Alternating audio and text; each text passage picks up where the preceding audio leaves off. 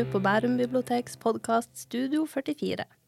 Ti forfattere, 30 bøker, en del av prosjektet Aktiv formidling, og er sponsa av Nasjonalbiblioteket. Jeg heter Vilde Mortensen Storesund, og med meg i studio i dag har jeg Birger Emanuelsen. Velkommen. Tusen takk. Veldig fint å få lov å komme. Det er veldig fint å ha deg her også. Eh, Birger Emanuelsen debuterte i 2012 med novellesamlinga 'For riket er ditt'.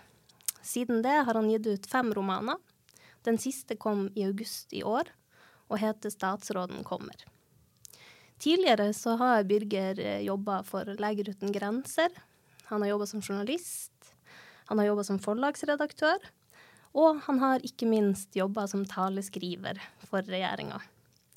Og en bedre overgang enn det får man vel neppe til årets roman fra deg. Det er veldig trist at det blir sånn 'ikke minst' har han jobba som taleskriver. Men jeg, jeg, skjønner jo overgangen. veldig god overgang. Så man må gripe de gode overgangene man får. Hovedpersonen i Statsråden kommer, Ingrid. Hun jobber jo også som taleskriver for en statsråd. Og når Ingrid først får den jobben, så er hun veldig opprømt.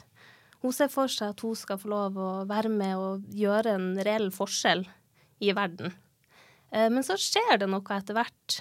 Kan du fortelle litt om hva som skjer? Det er egentlig en veldig god måte å gå inn i boka på, for det er noe som skjer eh, helt åpenbart med Ingrids eh, Den første forelskelsen hun har ikke sant, over at hun får denne jobben. Og litt smigra, selvfølgelig, men også denne opplevelsen av at hun jobber for demokratiet, da, nærmest sånn direkte. At hun jobber for en slags størkna folkevilje.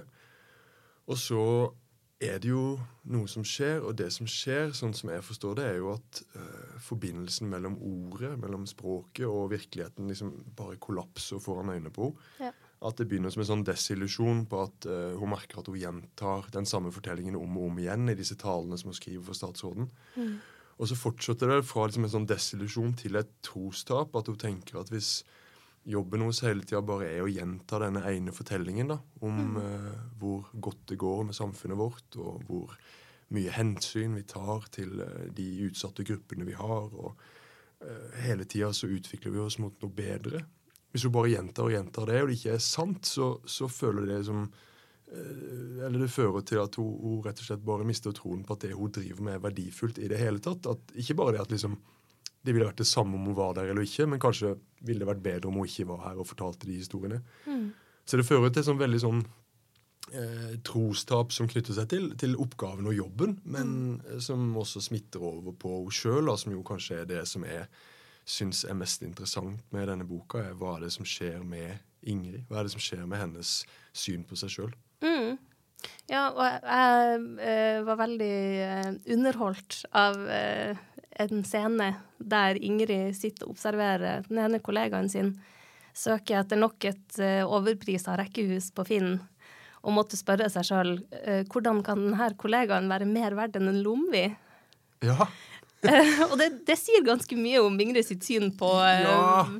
ja, det sier kanskje om hvor langt hun har kommet eh, i den desillusjonen og det trostapet. da, når hun, hun, hun tenker det. Men eller, nå skal ikke overdrive, det er en tanke som sikkert har streifa flere enn eh, Jeg vet ikke om det var streifa deg, men, men for å streife meg. Og, Lomvi er jo sånn typisk at forfatteren setter seg ned og finner et, eh, et eh, interessant dyr eller en fugl. Den kan være mer verdt. Men altså, om våre kollegaer er mer verdt enn et rådyr. Eh, den tanken har iallfall streifa meg. Og, og det som kanskje er forskjell på eh, den hverdagslige følelsen at den tanken kan streife deg, er jo at i romanen så forsøker Ingrid å ta den følelsen på alvor. Eh, hva er det som er det eh, distinkt eh, verdifulle ved dette mennesket versus eh, ja, helt andre eh, biologiske skapninger? Mm, Versus naturen, versus eh, eh, en fjellformasjon, for den del. Så den tanken på, på liksom at det verdifulle er gitt allerede bare at det er menneskelig, eh, den, den finnes jo ikke lenger hos Ingrid på dette tidspunktet i romanen. Den har hun mista. Den er borte. Eh, det fører jo til at hun ser på kollegaene sine med liksom dette um, harde blikket, da. Eh, Selv om selvfølgelig det er jo også en sånn, en, et, ja, litt, et litt humoristisk blikk, men, men det blikket hun har på seg sjøl og verdien av sitt eget liv, er jo ikke humoristisk på samme måte, for da er det liksom vanskeligere å beholde den ironiske distansen, eller liksom eh, komiske distansen til det. Mm. Eh, for i møte med spørsmål om hennes eget liv har verdi, så, så kommer hun vel ut på ja, Flere ganger i løpet av romanen så kommer hun vel ut på at det, det har det vel ikke. Nei.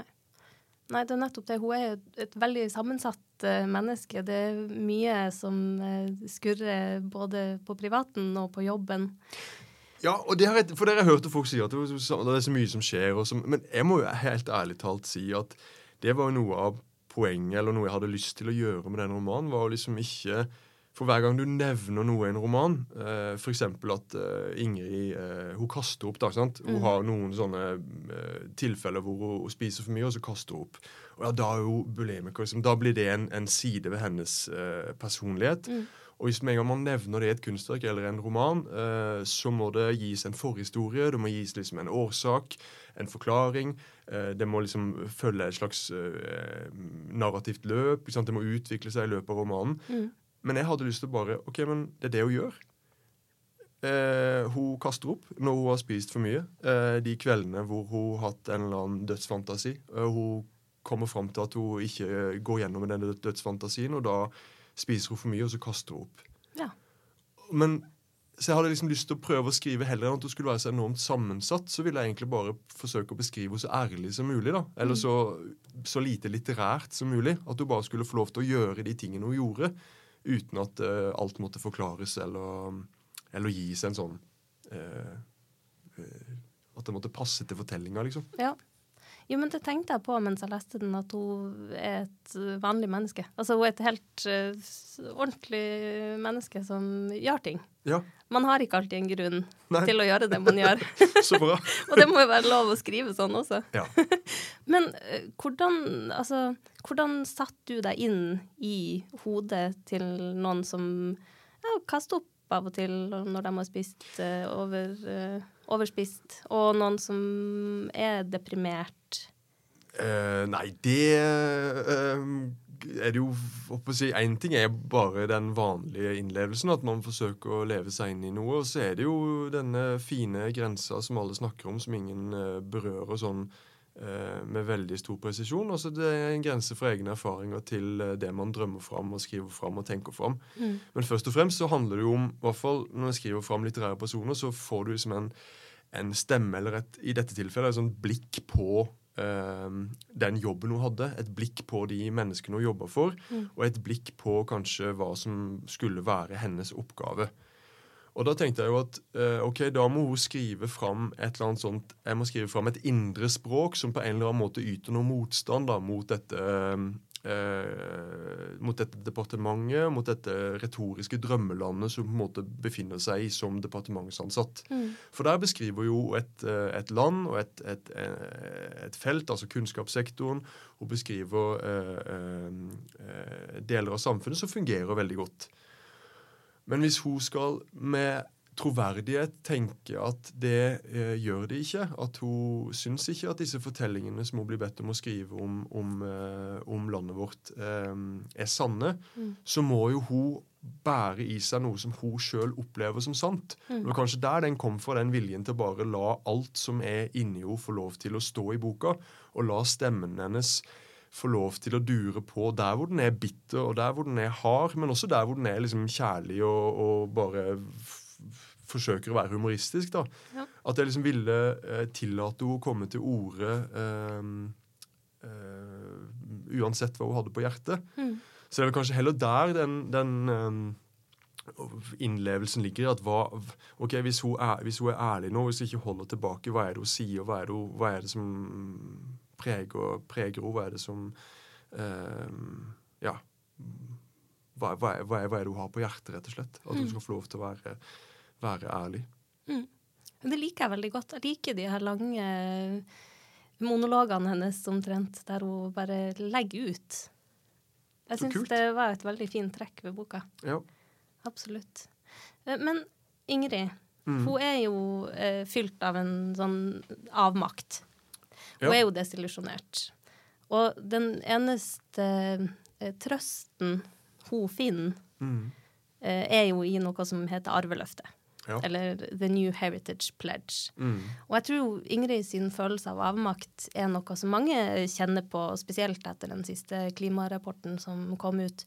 Eh, hva er arveløftet? Kan du fortelle litt om arveløftet? Nei, altså, Arveløftet er en uh, blanding av en fiksjon og en, en, uh, en bevegelse eller en forestilling. Eh, og den faktiske forestillingen, den virkelige forestillingen knytter seg til en amerikansk jurist som døde tidligere år, i mai i år, som heter Christopher D. Stone, som skrev et, en veldig berømt eh, eh, bok på begynnelsen av 70-tallet som heter 'Should Trees Have Standing'? Altså skal trærne kunne representere seg sjøl i en rettssak. Eh, som han skrev i forbindelse med en stor rettssak hvor Walt Disney-konsernet skulle bygge ut en dal i USA. Og man ville da unngå at Walt Disney skulle få bygge ut denne dalen, så man ville saksøke, men det var Rettssystemet i USA sa at ingen kan saksøke fordi at denne dalen eh, er ikke en egen juridisk person. Så sier da Christopher D. Stone jo, naturen, eller naturlige elementer, trær, dyr, eh, fjellformasjoner, daler, villmark skal kunne ha juridisk status som mennesker. Og Den gang var det en veldig sånn radikal idé. Eh, den ble plukka opp ganske raskt, i Norge bl.a., av, av en Eckhoff, en jurist her, eh, som gjorde at eh, miljøvernorganisasjoner kan saksøke på, på vegne av eh, naturen i Norge. Det ble plukka opp på New Zealand, i Australia, Ecuador, Bolivia rundt omkring. Så det utvikla seg til liksom en, en internasjonal forestilling eller idé om at naturen skal kunne ha rettigheter som mennesker.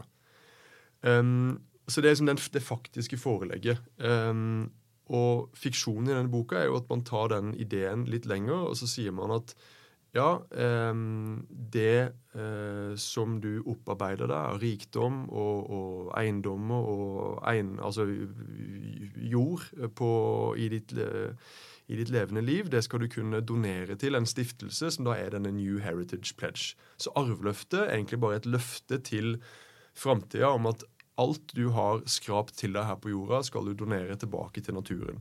Og det skal få lov å stå der uten å utbygges, sånn som vi nå er vi sitter på Bærum her. Du har akkurat snakka om at det kommer eldre damer inn hver dag og snakker om at det er så grusomt fordi at alt bygges ut. Mm. Eh, her er det vel fortetning, da, men, men uh, rundt omkring uh, ellers så, så er det jo stadig sånn at vi ser at natur vil natur, og villmark bygges ned til fordel for hyttefelt og, og boligfelt og ja, gode næringsprosjekter. Så Ingrids eh, desillusjon syns jo jeg eh, er, Den er sann og, og, og vond, den. Men jeg syns jo også hun har en radikalitet i seg og en vilje til å liksom søke oppreisning eller søke endring, som viser seg i som denne Eh, kanskje litt fanatiske eh, beslutninger hun tar da, om å signere dette arveløftet på vegne av seg sjøl og ektemannen. Ja. For en av de tingene som, som sies i dette arveløftet, er jo f.eks. at man da forplikter seg på å ikke få barn. Eller hvis man da får barn, så kan ikke barna man får, arve disse eiendommene eller eh, de husene, eller hva det er en man klarer å karre til seg på jorda. da. Så det blir jo på en måte Ingrids eh, substitutt. da. Eh, hennes uh, troserstatning. Ja. Uh, hennes måte å få en oppreisning eller en følelse av at hun har mening, at hennes liv er verdifullt.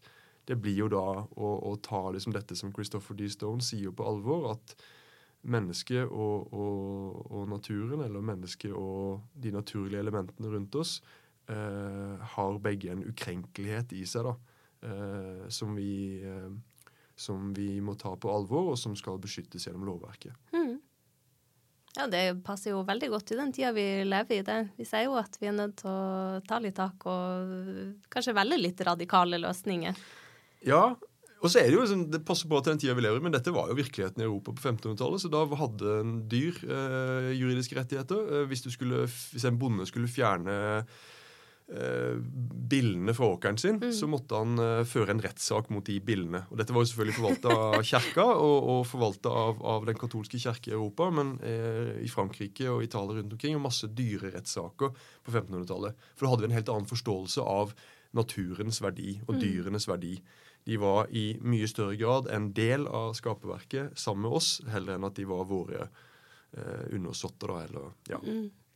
Det finnes jo Men at jeg har sett noen bøker som eh, har sånne utvalg av de beste dyrerettssakene fra den tida, der det er jo veldig mye morsomt. Eh, og det kunne vi jo ha snakka om sikkert i mange timer. Eh, det er jo arveløftet og statsråden kommer, men nå skal vi gå litt videre i podkasten.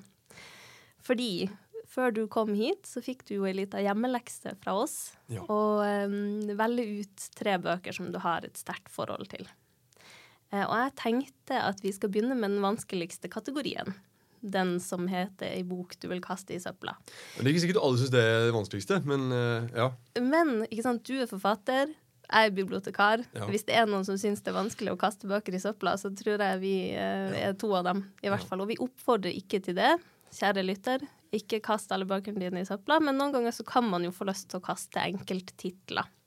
Eh, og du har valgt eh, boka 'Omgitt av idioter' til denne kategorien, og lignende. Ja, jeg har det. Eh, Og det har jo med å gjøre at eh, jeg har jobba i, i forlagsindustri. Jobba som forlagsredaktør for sakprosa og dokumentarlitteratur. Mm. Og den eh, 'Omgitt av idioter', som er skrevet av en svensk eh, foredragsholder, eh, er jo liksom en del av en sånn trend som kom veldig sterkt inn i som dokumentarforleggeriet eh, i løpet av det siste tiåret. Eh, som jo er som po populærvitenskapelig, da. Altså Ja. po populærvitenskap, populærpsykologi, egentlig. Mm. Og det har jo fantes lenger enn de siste ti åra. Det har fantes uh, veldig lenge, men dette er en spesifikk type uh, populærpsykologi, populærvitenskap. Kan du nevne også f.eks. 'Bli best med mental trening' da, av, av den norske forfatteren. eh, Erik Bertrand Røssel. Som alltid, han heter ikke Bertrand Røssel, men han heter Erik Bertrand Larsen. Ja. Um, um, men da er det den eh, populærpsykologien som er så finstilt på at du er eh, enestående. Du eh, er nærmest ufeilbarlig, men så finnes det feil i, enten i metodene dine, da, som Erik Bertrand Larsen snakker om, altså hvordan du tenker om deg sjøl, hvordan du eh, legger opp dagen din og hvilke ord du sier til deg sjøl, eller med denne svenske forlagsholderen som du lovte å hjelpe meg med navnet på. eh, ja, Eriksson. Eriksson, Thomas Eriksson. Eh, det er hvor feilen egentlig ligger hos alle andre. Mm. Eh, at eh, det er en eller annen sånn selvdyrking og en eh, uvilje til å fullkommengjøre deg sjøl, da, Mm. egentlig. Eh, som man tenkte om i gamle dager i Europa, som Kant snakka om. Altså fullkommengjøre deg sjøl handla ikke om å være bare det, liksom det beste du kunne være eh, på jobben, eller det beste du kunne være som fjellklatrer, eller som eh, hva det skal være. Å fullkommengjøre deg sjøl handla om at du skulle i en eller annen form for symbiose med, med omgivelsene dine. Eh, skulle du utvikle noen egenskaper som gjorde at du også ble et samfunnsmenneske. Mm. At du kunne bidra positivt inn til et fellesskap eller til en, eh, til en helhet. Ja.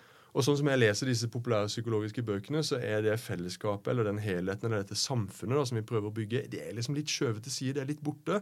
Eh, for det er en, en sånn helt enestående eh, blind dyrking av selve og egoet. Ja. Og da lovte, altså, Siden vi skal kaste disse bøkene, så jeg har ikke noe imot å kaste denne boka til han Thomas Eriksson, eh, omgitt av, av idioter.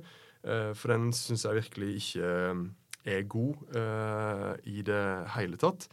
Eh, men denne Erik Bertrand Larsen, denne nordmannen, han skrev denne boka 'Bli best med mental trening'.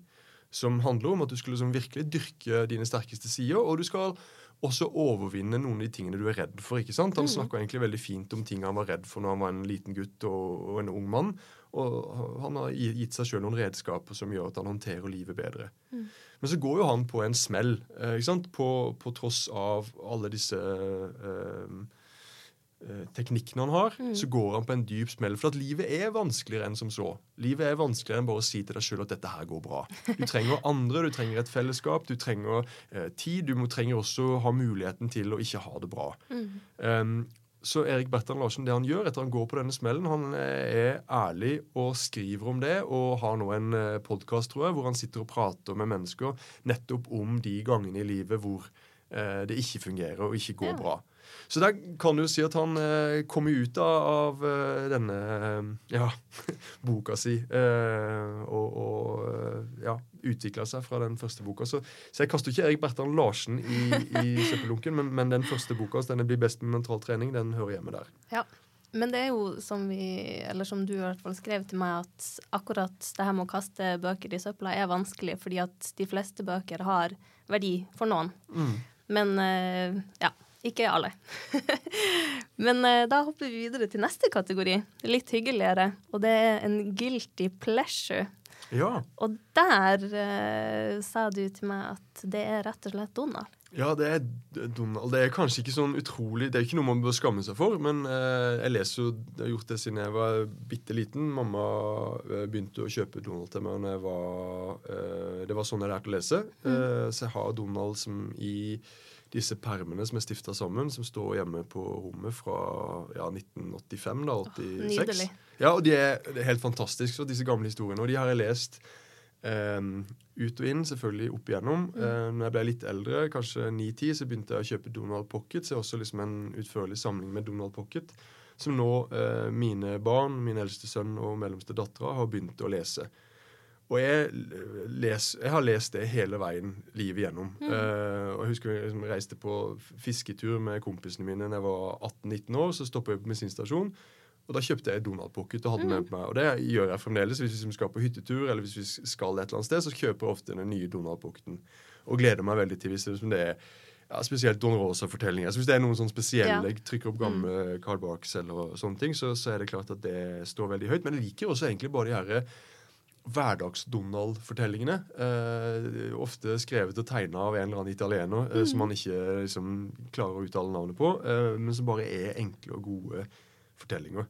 Um, så ja, jeg leser Donald hver dag, og ofte så sier jeg i butikken at jeg kjøper de til barna mine, men eh, kjøper de nok egentlig til meg sjøl. Men hva er grunnen til at du ser på Donald som en guilty pleasure, og ikke bare en pleasure? Nei, jeg vet ikke, men altså, hvis guilty pleasure var det altså det, Husker jeg en gang uh, Jon Øystein Flink ble spurt hva, hva, hva er din guilty pleasure, og uh, da Nei, det, dette passer ikke på sånn uh, hyggelig biblioteksradio. Men da svarte han noe helt altså, Hva er det man egentlig man skammer seg over? da? Jeg, det er jo ikke noen bøker jeg skammer meg over at jeg leser, egentlig, men jeg tenker at uh, eh, Nei, nei det, det, det, det bør ikke være skamfullt. Enig i det. Men det passer liksom ikke helt med at voksne menn, eller voksne mennesker, menn og kvinner, foreldre, skal liksom ligge og lese tegneserier. Eh, tegneserier som er helt åpenbart retta mot barn. Men det, det der eh, Nei, jeg syns at vi bør avskaffe det her med at uh, folk som er voksen, ikke får lov å lese tegneserier, selv om de er markedsført mot barn direkte. Ja. Nei, tegneserier er jeg veldig åpen for. Eh, men, eh, men, ja, nei. men da bør vi avskaffe guilty pleasure. For Ja. da bør vi avskaffe skammen i det hele tatt. bare, skal vi bare gjøre det? Ja. Ja. Nei, da er det en pleasure. Det er, det er en pleasure. eller en, en nytelse, da, som vi sier på norsk, å lese Donald. Helt enig. Donald holder seg. Som bare det. Jeg gjør det. OK, da tar vi siste, siste kategori. En bok du elsker. Den Mhm. absolutt hyggeligste kategorien sparte vi til slutt. Ja. Og da valgte du en forelska frosk. Eller valgte den forelska frosken av en eh, helt strålende nederlandsk eh, forfatter og tegner som heter Max. Og du- Veltuis. Max Veltuis. Som er gitt ut eh, på norsk, på eh, sånn veldig sånn klingende fint nynorsk, gitt ut av Samlaget. Mm. Eh, kanskje vi husker hvem som har oversatt den. Det burde vi i hvert fall gjøre. Ja, det burde vi huske, men Ja. det husker vi ikke akkurat nå. Nei. Eh, der kommer ikke Lars Petter og Sven heller med en hjelpende hukommelse. Eh, men den er veldig godt oversatt, og den er nydelig tegna. Og det som jeg liker med den boka, for den er en leser for min minste mitt, Eller vårt, vårt yngste barn, en sønn som snart fyller fire. Vi har lest det nå nesten kontinuerlig hver kveld de siste eh, to månedene. Eh, det finnes noen flere i denne serien om denne frosken, eh, men det som er så fint spesielt med den forelska frosken, er at det er barnebøker som tar følelser på alvor. Som tar som dype, eh, sentrale følelser på alvor. Um, og den fortellingen om når frosken blir forelska, den grønne frosken blir forelska i en hvit and, og måten han eh, liksom strever med først å finne ut hva denne følelsen er for noe, så hvordan han skal tørre å gå ut med denne følelsen i verden, og så hvordan denne følelsen blir møtt og tatt imot av, av vennene hans, men også da til slutt denne Anna som, som kjærligheten er retta mot. Um, det er i det hele tatt bare en utrolig nydelig uh, liten fortelling. Um, og jeg merker så godt at det er noen barnebøker så er det jo sånn at du har en veldig distinkt følelse av at barnet opplever én ting, og så Mhm. opplever de voksne en annen ting. Og de barnebøkene som vi tenker er gode, sånn at ja, her ligger det også noen ting som vi voksne kan synes er gøy, mm. eller vi voksne kan like. ikke sant? At det er noe som er humoristisk for oss også. Sånn at liksom de voksne ikke kjeder seg når de leser det. Men det som er følelsen av å lese disse bøkene om denne frosken, er at jeg og barnet mitt, eller barnet vårt, opplever liksom det samme. Mm. Vi har det samme forholdet til det som skjer på sine. Og det er veldig sjeldent, syns jeg, da, i barnebokuniverset. Og, og da tenker jeg at det er godt gjort av, av denne forfatteren. Og, og veldig godt gjort av Samlaget, som er flinke til å finne flink, flinke til å finne den type utenlandske bøker som eh, som, som treffer, altså. Og, Mm. og jeg håper dere nå klipper inn navnet på oversetteren, for han eller hun fortjener, fortjener å høre det. Vi skal i hvert fall få det med i teksten. Jeg syns Jeg måtte jo bla litt i eh, frosken i går. Og det jeg syns var så fint, er at den er så lite dramatisk. For det er ofte med barnebøker, i hvert fall nye barnebøker, at det virker som at forfatterne føler at de må dramatisere så veldig mye for at barnet skal holde seg engasjert. Mm. Men det er det ikke tegn til der. Nei. Det er bare rett frem og ikke noe sånn dilldall og ikke Ja, ikke alt det dramaet. Nei, det er veldig sant. Det er veldig fint.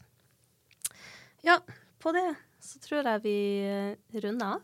Det var en fin, fin plass å runde av, var det ikke det? Jo, absolutt. Det er jo best å runde av der, hvor vi finner noe vi er virkelig glad i, Ja. og kan eh, ja, Ja. kan bringe videre. Mm. Ja, alle leser uh, nei, Frosken. Og selvfølgelig Birger sin nye bok, 'Statsråden kommer'. Lånt den hos oss. Anbefaler den på det sterkeste. Jeg var mye flinkere til å snakke om frosken enn å snakke om min egen bok. ja, ja. Ah, tusen takk for at du kom, Bare i hvert kjempehyggelig. fall. Og tusen takk til deg som hørte på Studio 44. Hjertelig velkommen tilbake til neste episode.